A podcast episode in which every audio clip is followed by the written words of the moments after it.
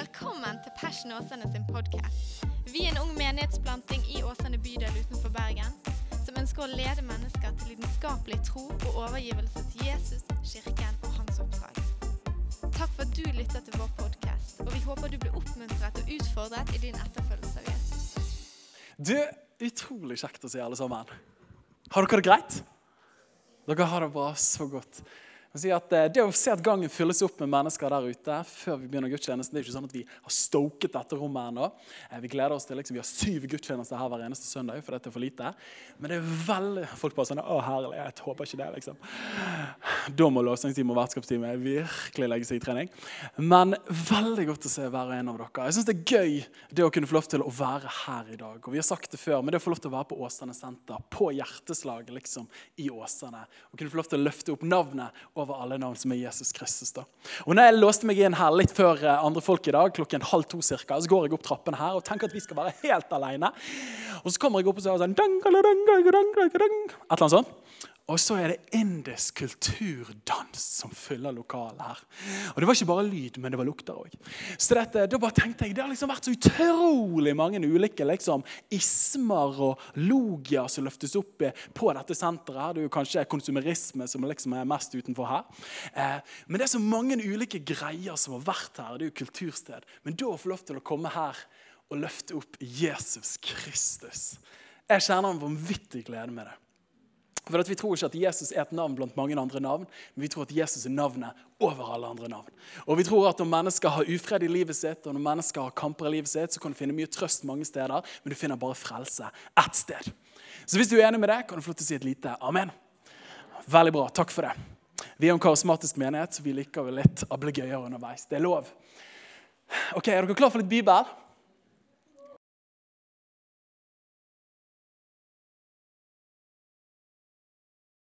Hva ønsker du å formidle til oss som kirke? Og vi i Passion vi er, en, vi er en ung plantning. Vi har begynt å ta noen steg. Eh, men det er gøy å få lov til å sitte litt takt når toen før hvert semester. Da. Eh, og da kjente jeg på et vers, og det er fra Apostelens gjerninger. og Det er første kapittelet der, og det åttende verset. Og Historien er som følger at evangeliene har funnet sted, de fire evangeliene. Jesus, Fortellingen om Jesus. Og så kommer apostlenes gjerninger, og her skal liksom batongen overføres. Da. Det er batong, sant det heter. Stafettpinnen, det er ikke betongen. Batongen skal overføres fra Jesus til disiplene og til de kommende generasjoner. Og I dag skal jeg prøve å preke gjennom hele apostelens gjerninger. Og de bare Oh my gosh. Eh, det skal gå fort. Eh, men jeg skal prøve å loppe ut noen greier der som kan få lov til å tale til oss. da. Men helt i begynnelsen av Bibelen her, eller Apostelens gjerninger, så kommer Jesus, samler crewet sitt og sier folkens, nå har det vært 40 dager der jeg overrasker dere litt fram og tilbake. Eh, men nå har jeg lyst til å si det siste manifestet før jeg forsvinner herifra og dere får batongen videre. Og Det velkjente verset vi leser i Jesu navn, så står det men dere skal få kraft når Den hellige ånd kommer over dere. Og dere skal være vitner om meg i Jerusalem og hele Judea og Samaria og helt til jordens ende. Vi leser det en til gang. Men dere skal få kraft når Den hellige ånd kommer over dere. Det er herlig, vet du. Et nydelig løfte der. Og dere skal være vitner om meg i Jerusalem og hele Judea og Samaria og helt til jordens ende. Jeg har valgt å titulere de ordene jeg skal dele i dag, for kapittel 29. Og Hvis du er litt bibelbevandret, så vet du at det er 28 kapitler i apostelens gjerninger. Jeg var litt snasen her der. Og I dag har jeg lyst til å snakke om kapittel 29. For det er der fortellingen om de slutter, og der fortellingen om oss begynner. Så det er at La oss ta og be sammen. Herre, vi takker deg for de øyeblikkene vi får lov til å dele Gud. Herre, Vi har ikke lyst til å ta lett på det å kunne få lov til å feire gudstjenesten. Og vi vet at det er tusenvis av millioner rundt om på denne kloden her som ikke får lov til å samles i fred i ditt navn, Jesus. Så ikke får lov til å eie en bibel. Herre, takk for det er et privilegium at vi får lov til å komme sammen og løfte opp ditt navn. Herre, Besmitte hverandre med lidenskap for deg, Jesus. Herre, jeg har lyst til å be for de øyeblikkene vi deler nå, Gud, at du fyller oss med din hellige ånd, sånn som vi leste med dette verset. her. Mm. Hellige vi sier at du er veldig velkommen til å tale til oss. til å utruste oss, her, til å plukke av ting i livet vårt som ikke skal være der. Jeg har lyst til å be konkret her, at for hver og en av oss i dette rommet, Gud, at, at dette skal bli en høst der vi får noen nye headlines, Herre. Det er noen nye overskrifter. og at Der det tidligere har vært trøtthet og sykdom eller, eller mismot eller forvirring eller spørsmål, skal få lov til å vendes, Herre, til ny begynnelse, Herre. Vi ber om det. Hvis du tror det, så kan du få si amen. Amen. Du, når jeg gikk på tent, så ble jeg kjent med han gutten der. Er det noen som har sett han før? Ja, litt grann. Når jeg vokste opp, så var, det, så var det en ungdomsklubb som het Tent. Det var Fellesskapskirken i Åsane sitt barne- og ungdomsarbeid, betweensarbeid, eller tweensarbeid, fra 5. til 7. klasse. Og jeg visste jo at når jeg begynte i 5. klasse, så var tiden kommet for at jeg skulle begynne der. Og det er sikkert et par andre som gikk der. Jeg husker jeg spurte mamma en gang hva står Tent for. Og så sa hun det står tent, det handler liksom om å være tent for Jesus. Og så tenkte jeg, å ja, det var noe merkelig greie. Jeg var mer tent for andre ting som begynte på J på den tiden. Men, men, en av de tingene som var gøy, det var filmkveld. Og Det var jo kjekt, eller det var ikke så kjekt med andakter, men de gangene så planen det skulle være filmkveld. Da var det høystas. Og Jeg husker en gang at eh, han som ledet det, sa at vi skal se en film som heter Pay It Forward. Og Det var jo vanskelig, jeg kunne ikke engelsk på den tiden. Pay it forward. Eh, så dette, jeg kom der og tenkte ok, dette blir noe greit. Og Historien er om han skjønne lille gutten der da, som heter Trevor McKinney. Han og moren flytter hvis det ikke tar feil, til, Nevada, til, Las Vegas, Nevada. Og Så begynner han på skolen der. Og Den første samfunnsfagtimen så møter han en lærer som er litt utenom det vanlige. Og Han gir dem en oppgave som skal strekke seg over hele året. Og det er At de skulle komme på en idé, og så iverksette han med det formål at verden skulle bli bedre av den ideen. Det er Litt sånn heftig å gi syvendeklassinger. Nå for tiden er det litt mer sånn i syvende klasse. Bare sånn, Prøv å være venner med hverandre, liksom. Ikke slå uh, Nicolas i friminuttet. Uh, men liksom her forandre verden. Og Han lille gutten her, vet du, full av talent, han presenterer for klassen, og så kommer han opp med en greie som heter Pay it forward. Og Det går ut på et nettverk av gode gjerninger. Ideen var at uh, f.eks. si Mats trenger hjelp til å fikse bilen sin. Men Mats er ikke en veldig kyndig bilmekaniker ennå. Tenk tilfellet, da. Eh, også, men jeg er flink med biler, da. Tenk tilfellet, det òg. Eh, så hjelper jeg Mats med bil, og så fikser jeg den. Og jeg skal gjøre en tjeneste for noen som de ikke klarer å gjøre på egen hånd. Men så skal ikke Mats tilbakebetale meg, men han skal gjøre en god gjerning for noen andre igjen. Er du med? Og så sitter han ut dette her i livet. da, At hver person du gjør en god ting for, skal gjøre det for tre andre personer. Så ser du der. Jeg syns det er en fascinerende fortelling. Og Nå skal ikke jeg preke liksom pace forward Jesus-versjon. På en måte litt. Men jeg tenkte på det i 2000, når denne filmen ble laget av Warner Bros. Så tviler jeg veldig på at de tenkte at la oss lage en film som illustrerer vekstprinsippene i Guds rike. Og så tar vi lille Trevor McKinney fra Las Vegas til å beskrive det. Det tviler jeg på. Men likevel så er det noe med denne filmen her som jeg tror beskriver noe av måten Jesusbevegelsen utvikler seg, vokser på i verden. Både historisk, men òg i dag. Og Når Jesus er i evangeliene, han har disiplene sine rundt seg, så samler han dem og så sier han, du folkens, la meg fortelle dere hvordan Guds rike egentlig funker.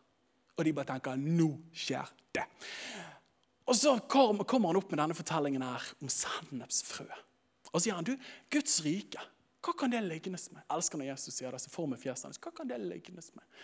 Han vet jo det. Han tar litt sånn kunstnerisk greie. Hva kan det lignes med? Jo, et sennepsfrø. Og så sier han dette frøet, som er mindre enn alle andre frø, når det blir plantet og tiden går, så vokser det opp og blir det største av alle hagevekster, et stort tre.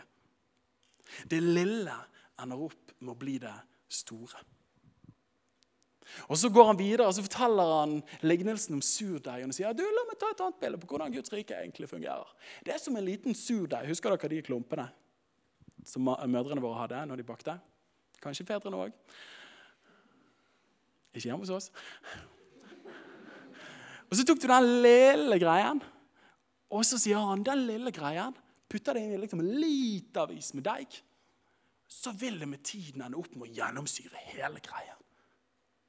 Og Dette her synes jeg er så fantastisk når Jesus beskriver hvordan vokser Guds rike. Jo, det går fra det lille, ubetydelige, usannsynlige til det gigantiske. Det går fra den lille gjærklumpen til å gjennomsyre hele greia. Og Jeg syns det er fascinerende at det ufattelige lille ender opp med å bli det ustoppelige store. Og Det er fortellingen om Jesusbevegelsen gjennom hele historien.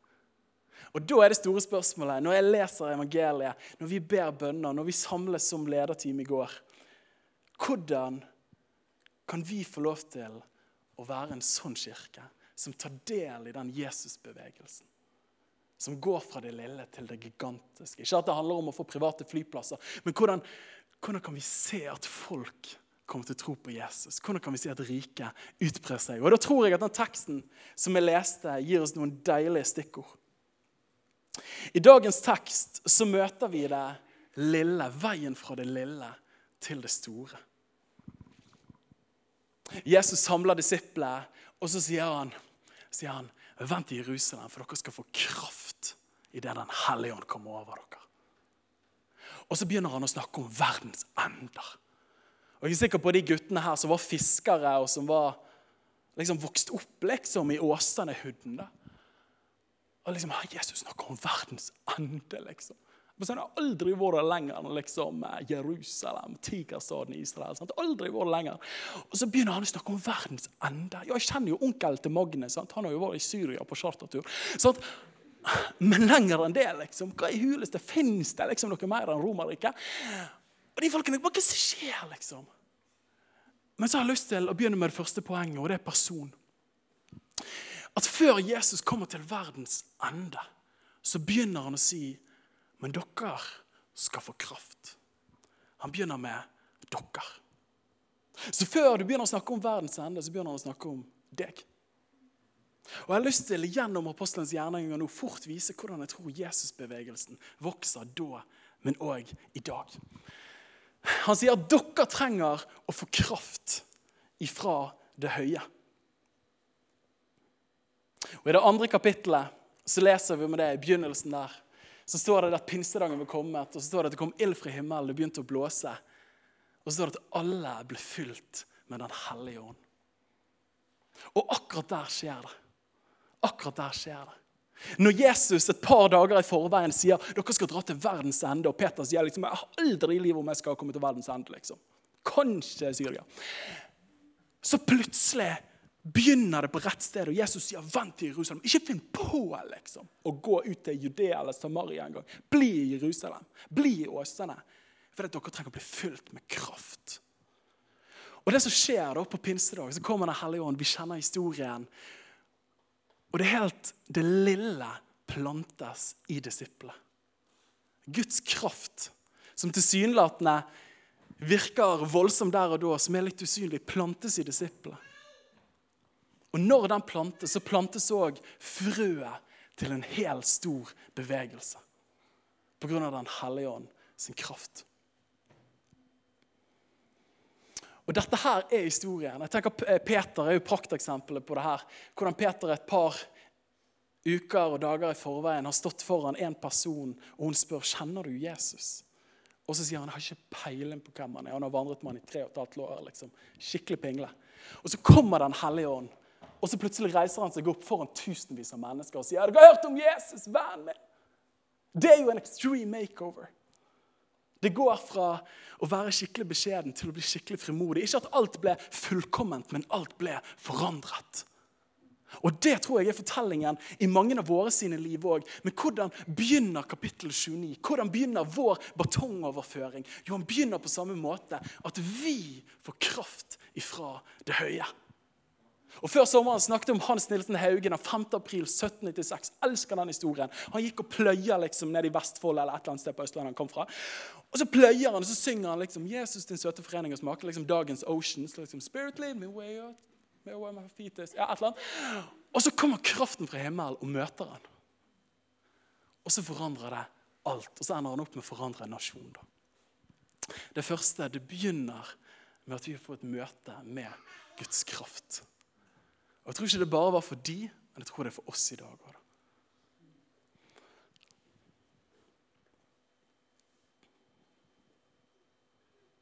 Og Jesusbevegelsen Jesusbevegelsen begynner alltid på det personlige planet.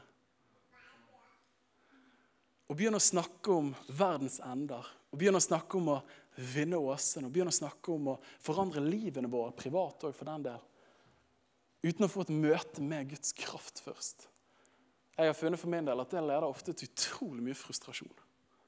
Og det leder til korte støt av innsats, men så skytes man tilbake i pessimismen.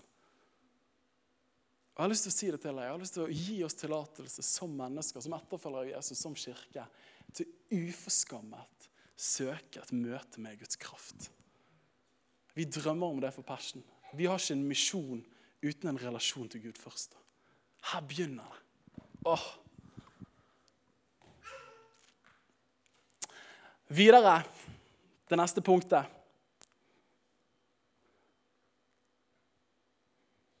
Det som skjer, er nettverk.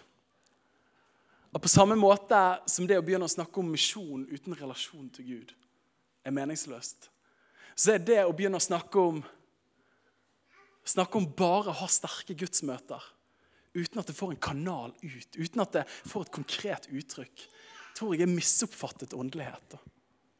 Og Jeg tenkte på det, og jeg vet for mitt liv at, at i samfunnet vårt så er det så utrolig sterkt trykk på det at i det offentlige rom så er det liksom, det trosnøytralt. da. Du skal ikke komme og snakke om tro. Tro har liksom blitt stappet inn, inn i stuen og liksom inn på soverommet ditt og inn i privatsfæren. Og Hvis du tror på Jesus, så er det greit, men det skal du ikke nevne foran andre. ikke sant? Det er litt sånn.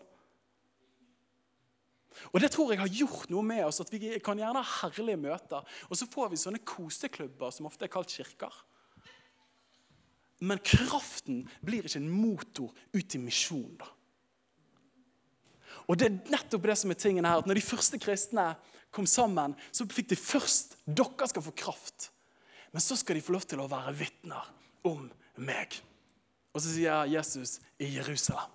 Det begynner på hjemmebane, det begynner med relasjonene, det begynner med de første nettverkene. Og her begynner pay it forward-greien å gå utover.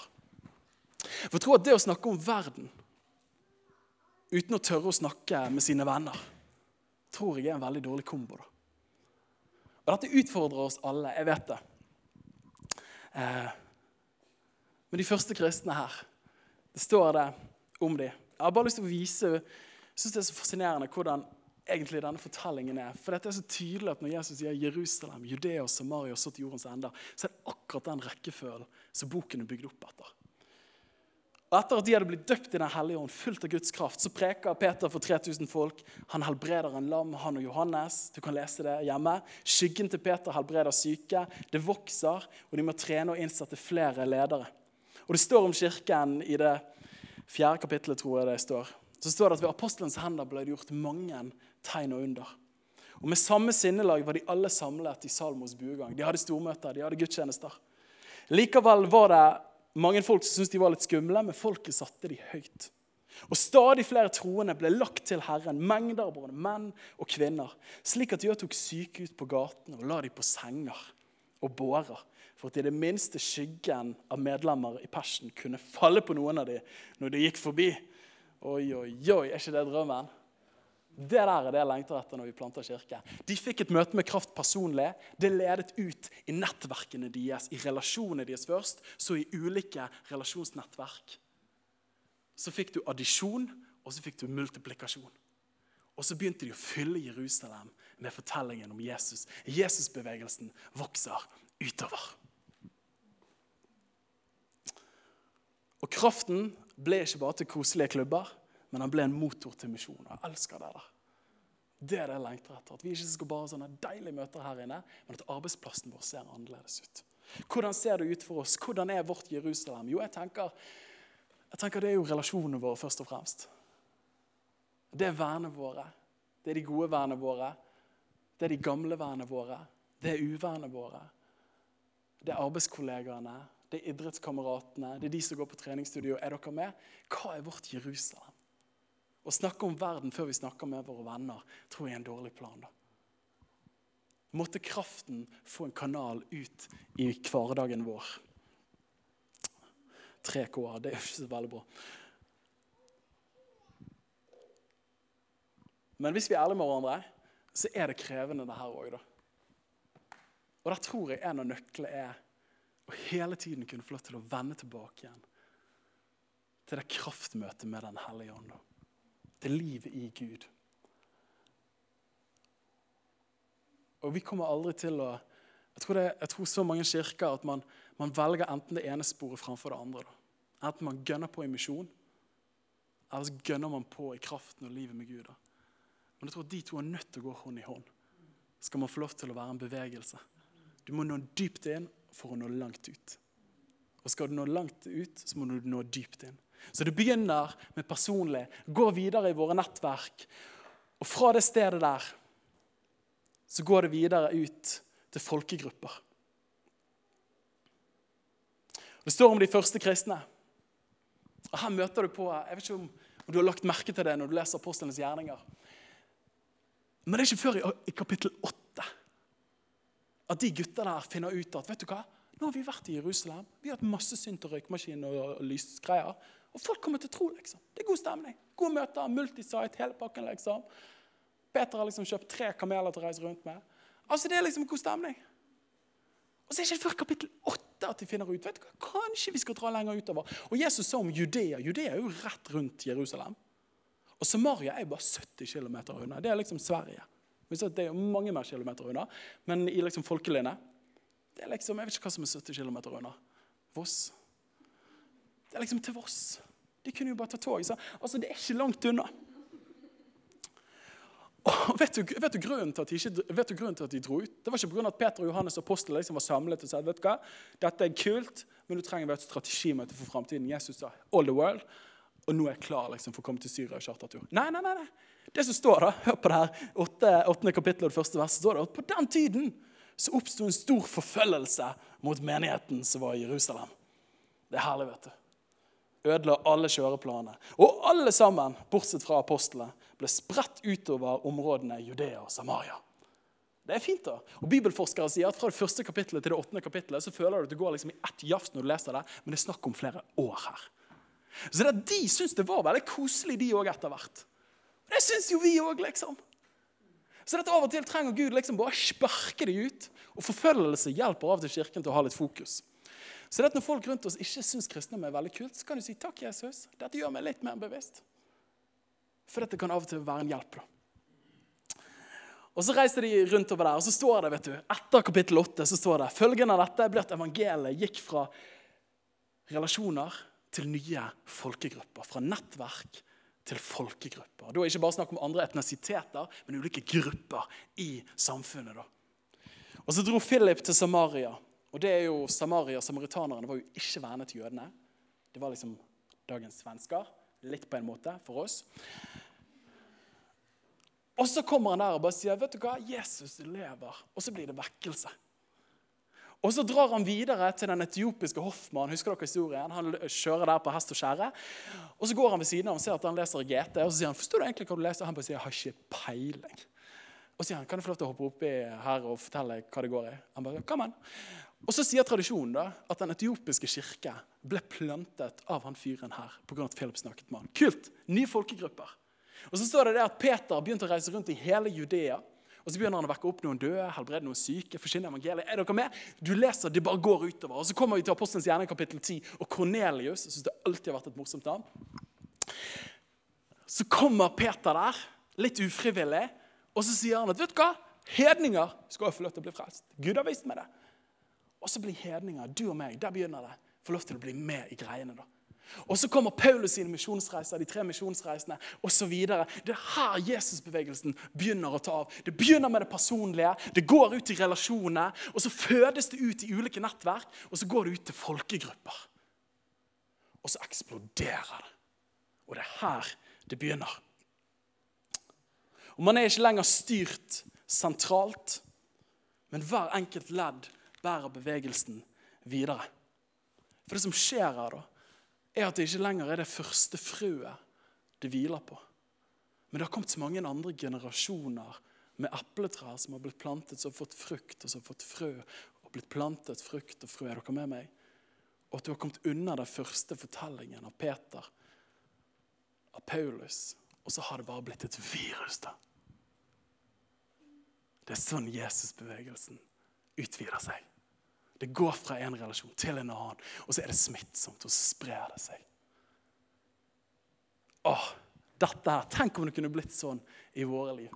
Tenk om vi kunne få oppleve å være med på en bevegelse av at mennesker fikk høre fortellingen om Jesus.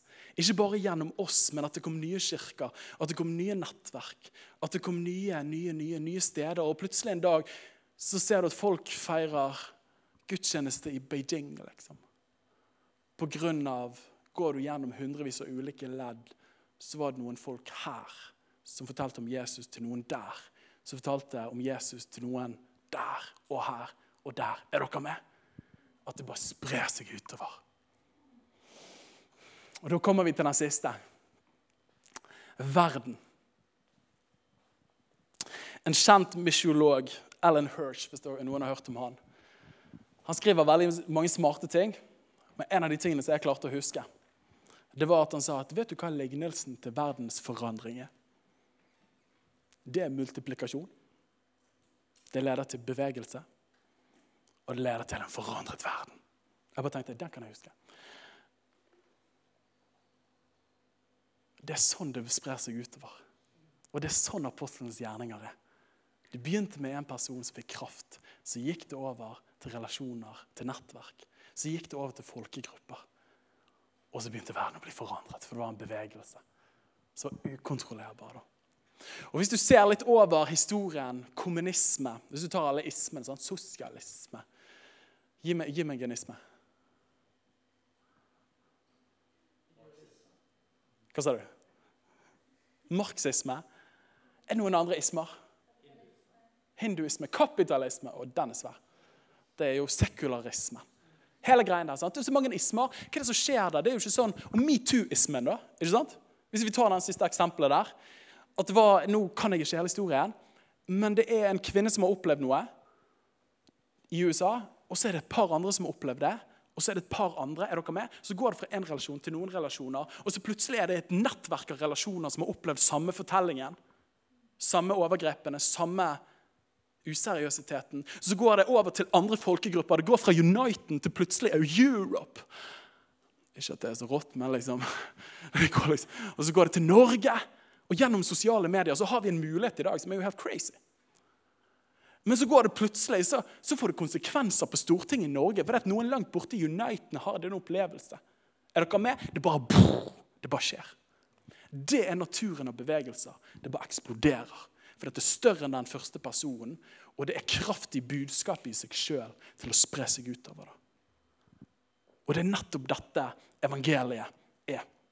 En annen fyr som har forsket Er dere klar? Nå går jeg inn for endingen her. landingen her. Men er dere klar for noen siste punkter? En fyr som heter uh, Steven Edison. Han har brukt livet sitt på å forske på bevegelser som forandrer verden. Og I boken hans 'Movements That Changes the World' så skriver han om følgende seks kjennetegn som, som kjennetegner bevegelser. Og Han sier her, og da særlig trosbevegelser Det første han sier, er det som kjennetegner bevegelser som forandrer verden, og som kjennetegner den første kirken, er det første er lidenskapelig tro. At man har en tro som ikke bare er inne i privatsfæren, eller som er koselig og fin og tar fram til høytider, og liturgien er koselig, og sånt, men det er en lidenskapelig overbevisning om det man tror på. Jeg bare tenker, La oss speile det i våre liv. Har vi en lidenskapelig tro på det vi tror på? Er det forbeholdt julegudstjenestene, begravelsene, bryllupene og dåpene? Og litt innimellom attåt? Eller er det en tro som er gjennomsyret av hele livet vårt? Det andre han sier kjennetegner, er at vi har en overgivelse til en visjon. At man har grepet noe som man lengter etter å se realisert, som man faktisk tror gjør verden bedre. Og så bruker man livet og kapasiteten og kreften og energien til å se det realisert. Det tredje han sier kjennetegner det, er smittsomme relasjoner. At det ikke det Første greien for å ikke få en bevegelse som forandrer seg, det er liksom å ta kravene kjempehøyt og liksom at det blir veldig innelukket, da får du en sekt. Vi liker ikke sekter. Det lukter altfor mye svette der. Vi liker smittsomme relasjoner. Der det bare smitter fra den ene til den andre. til den ene til den andre. Og Du trenger ikke bli utdannet i tre år. Nei, Du kan få lov til å møte Jesus, og så eier du det like mye som jeg eier det. Og så kan du få lov til å gi det videre, og så eier den det, og så gir den og så videre og videre. Smittsomme relasjoner. Det fjerde han sier kjennetegner bevegelser, er kjapp mobilisering. Du trenger ikke vente på at et styre skal godkjenne det, og at eldsterådet skal si 'great'. Det tar jo ofte flere år i norsk frikirkelighet. Men, men det er kjapp mobilisering. Tenker du det, så gjør du det. Og så skjer det. Det er litt som kjærlighetsrelasjoner. Det bare skjer fort. Tilpassede metoder. At det er ikke sånn vi kommer til Afrika sånn som man gjorde før i tiden og sa at we're gonna have church here. Så da tar vi liksom den lutherske døpefonten fra Norge. Og så ser du prestene går i hvit, akkurat som de kom liksom langt opp fra Alta. Og så tar vi liksom kulturimport. Det er bare sånn En god måte på å ikke få en bevegelse det er å tvinge folk til å gjøre det på akkurat samme måten som du gjør det. Så den dagen vi planter kirke i Førde, så er jo ikke det sånn at dere er nødt til å snakke bergensk sånn som dette. Da skal jo de så klart få lov til å snakke slik som dette her. Sant? Det skal være lov til å snakke sånn som man snakker. Og andre ting. Og det fjerde, sjette er lederskap. At man har noen pionerer, man har noen folk. Og at alle ikke venter på at ting skal skje, men at de får ting til å skje.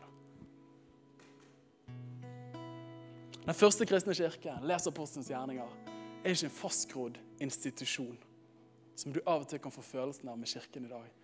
Men det er en dynamisk misjonsbevegelse som sprer seg utover. Så kapittel 29. Hvordan kan vi oppleve akkurat dette her? Og da Hvordan kan vi oppleve å få lov til å være en del av en Jesusbevegelse i vår generasjon. Det er faktisk den, kanskje den største bønnen jeg bærer mitt hjerte. Gud, la meg få lov til å være med på det du gjør. Og da har jeg prøvd å, å løfte det opp i dag og si at det begynner med at dere, meg, deg, skal få kraft fra Gud. Ikke det herlig? Hvilket løfte? Det er ikke bare litt gåsehud, men en kraft som er heftigere enn mange av oss har opplevd, og som, som vi lengter etter å oppleve. Dere skal få kraft. Og hva skjer når vi har fått kraft? Jo, da blir vi vitner. Jeg tenkte på det i sted at jeg tror en av de store utfordringene mine når det kommer til relasjoner, når jeg ikke tør å fortelle om det som er så viktig for meg, at jeg tror at mange av oss egentlig ikke er vitner. Vitner har sett noe, vitner har erfart noe, vitner har smakt noe, vitner har hørt noe first hand. Jeg tror mange av oss har lest et skript, og så kan vi gjengi det. Men vi har ikke sett det, vi har ikke smakt det, vi har ikke erfart det. Så det har ikke den samme punsjen over oss. Er vi vitner, så har vi opplevd noe. Og da kan vi ikke annet enn å gi det videre. Og Det er som å høre noen snakke om krigen, bestemor.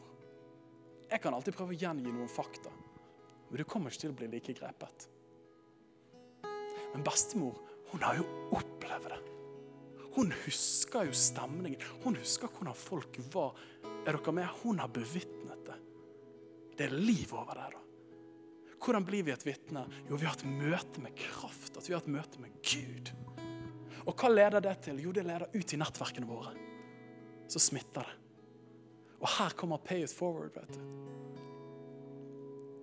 For når jeg har delt det til Mats, når jeg har delt det til Lise, når jeg har delt det til Sondre, når jeg har delt det til Victoria, så deler hun det videre til noen. Så plutselig opplever vi at det går fra addisjon til multiplikasjon. Det går fra nettverk til ulike folkegrupper. Ulike subkulturer i samfunnet. Og hva er det som har skjedd da? Viruset er sluppet løs. Apostlenes gjerninger er fortellingen om hvordan det lille blir til det store. Men kapittel 29 er fortellingen om en ny generasjon med vitner som kommer til nye steder, til nye mennesker, og forteller fortellingen på en annen måte til en ny generasjon om Jesus. Du og meg, vi er kapittel 29. Livene våre er kapittel 29. Og jeg har en bønn, jeg har en lengsel at at mitt liv måtte det kunne være kopiert inn i det 29. kapittelet og sagt at vet du hva, det er fullverdig. Det er det som gikk foran her. Er dere med på den visjonen?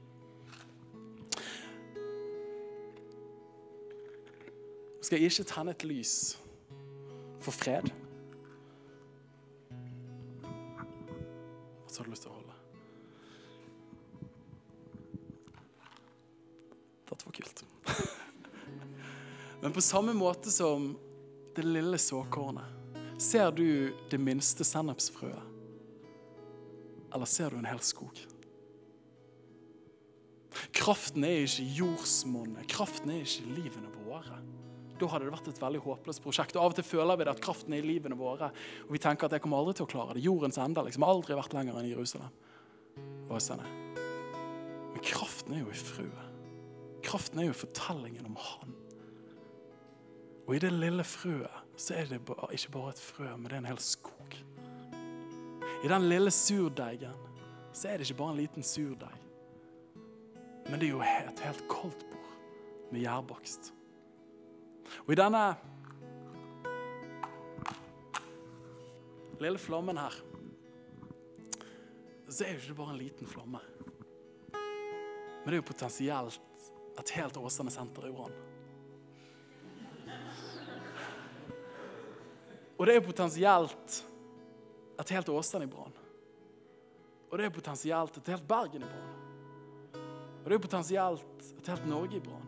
Og det er potensielt en hel verden i brann. I troen din til Jesus Vi har ikke bare fortellingen om Jesus for våre liv. Men inni hver og en av oss, ved Guds kraft, Den hellige ånd, så er det ikke bare 'this little light of mine, I'm gonna let it shine'. Nei, nei, nei, nei, nei, nei. Det er en hel verden i brann potensielt. Det er ikke pga. at du er så flink, men pga. at kraften er i frøet. Det er Jesus. La oss være en sånn kirke. Skal vi ta reise oss? Skal vi ta be sammen?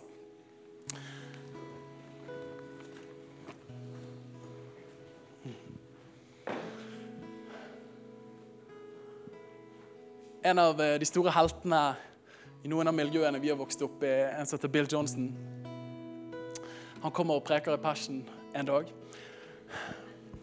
Han sa det sånn som dette her, at Den hellige ånd er ofte fanget inne i ikke-troende troende.